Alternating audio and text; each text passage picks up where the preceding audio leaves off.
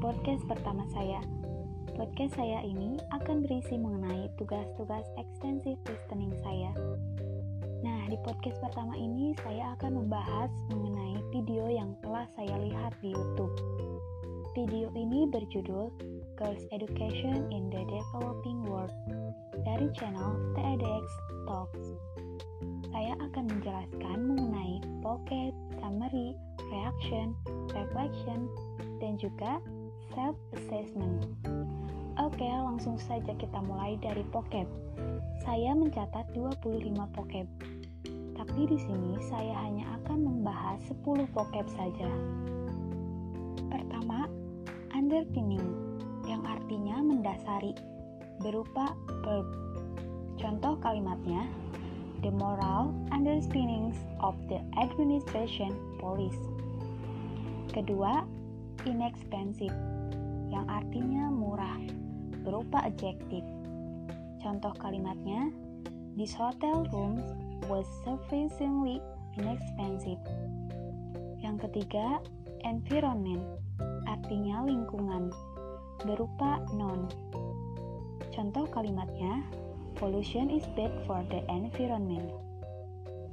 Yang keempat, decreased, yang artinya menurun, berupa verb.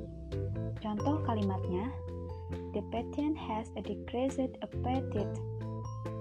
Yang kelima, briefly, yang artinya secara singkat, berupa adverb.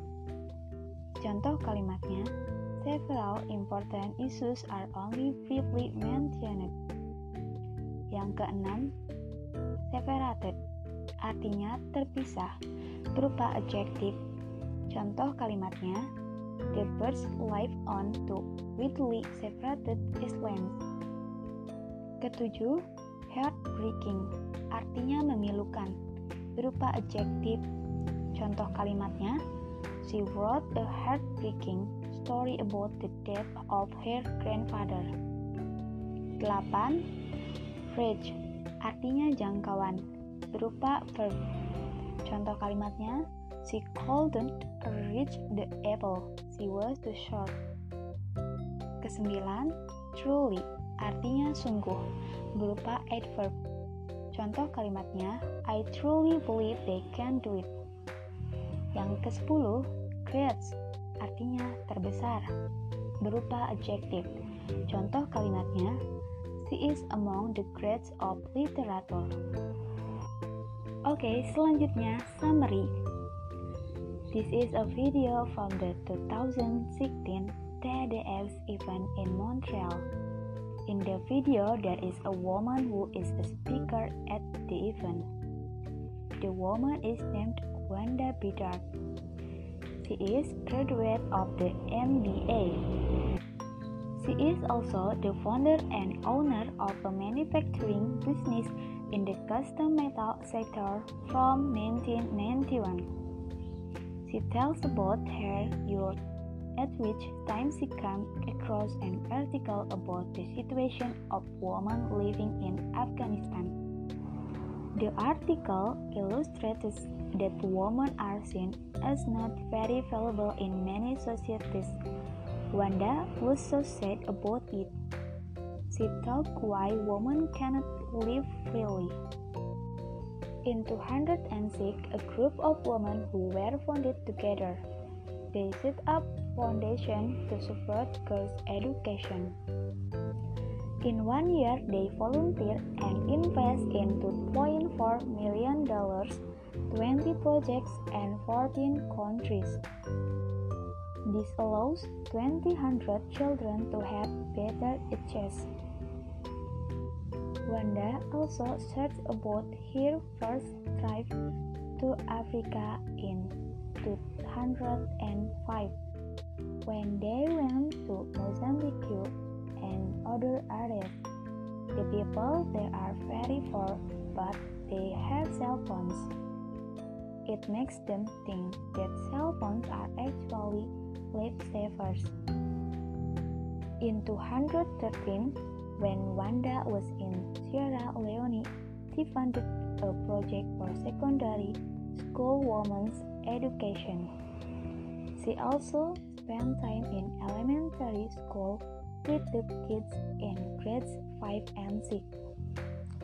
Their reading and writing skills are not far from where they are supposed to be, and it's heartbreaking. Information about ideas about cell phones and technology that can change many things. So, Wanda introduced self-directed computer-based learning starting with the Raspberry Pi. It is a very small device which is a wireless server so that in reality it is a computer that has no screen and keyboard. Mitra Wanda has downloaded academic material offline and cannot be web-based so it's a bit limited. LMS and social entrepreneurs discuss the time when Wanda put this tool that will create unique space potential in every field and goal and allow her to change the world. Nah, selanjutnya mengenai reaction. About that woman being disrespected in society was very disappointing to me. Even though women are equal to men, then why can women be distinguished like that? And it is very sad when I know that many children still lack learning facilities. I'm very impressed that Wanda, Peter, and her team can help children in remote village to make learning easier. Selanjutnya mengenai reflection. From the video, I learned about how it feels grateful that I am currently studying supported by complete facilities.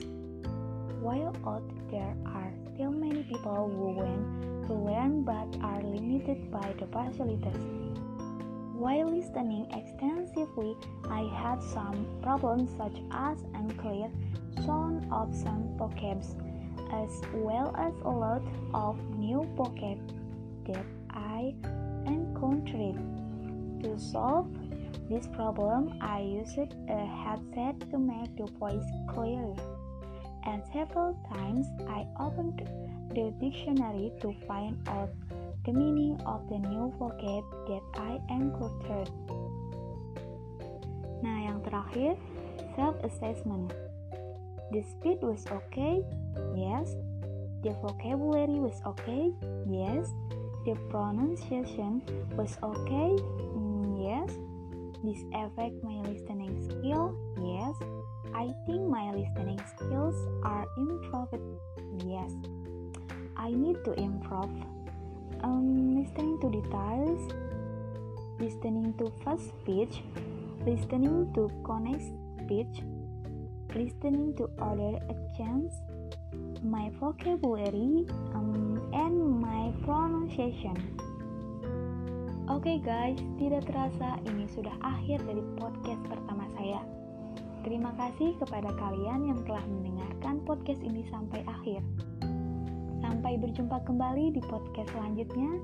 See you next time and have a nice day guys. Bye.